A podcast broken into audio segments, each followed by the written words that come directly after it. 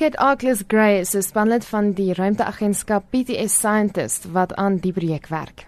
Sending these two rovers to the lunar surface, and we're collecting lots of scientific data, lots of HD video and photographs. And the problem is, we can't send it directly from the rover to Earth because it takes too much power.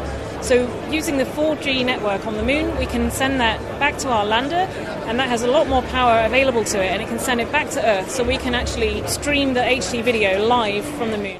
Tog is daar ongelukkigheid oor die projek in sommige sirkels wat meen dat daar nie internetverbindings op die maan behoort te wees as dit nog nie oral op aarde vrylik beskikbaar is nie. I'm biased because I work for a space company, but there is a lot of stuff that we are now using every day on Earth that was originally developed for space. For example, the camera in your mobile phone uses a sensor that was originally used and designed for a space mission.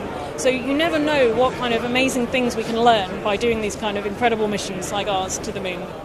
Dit was Kate Arklis Gray, een van die ruimteagentskap PTS Scientists se spanlede op die projek. Ek's Marlene Forsiefer, SAK nuus.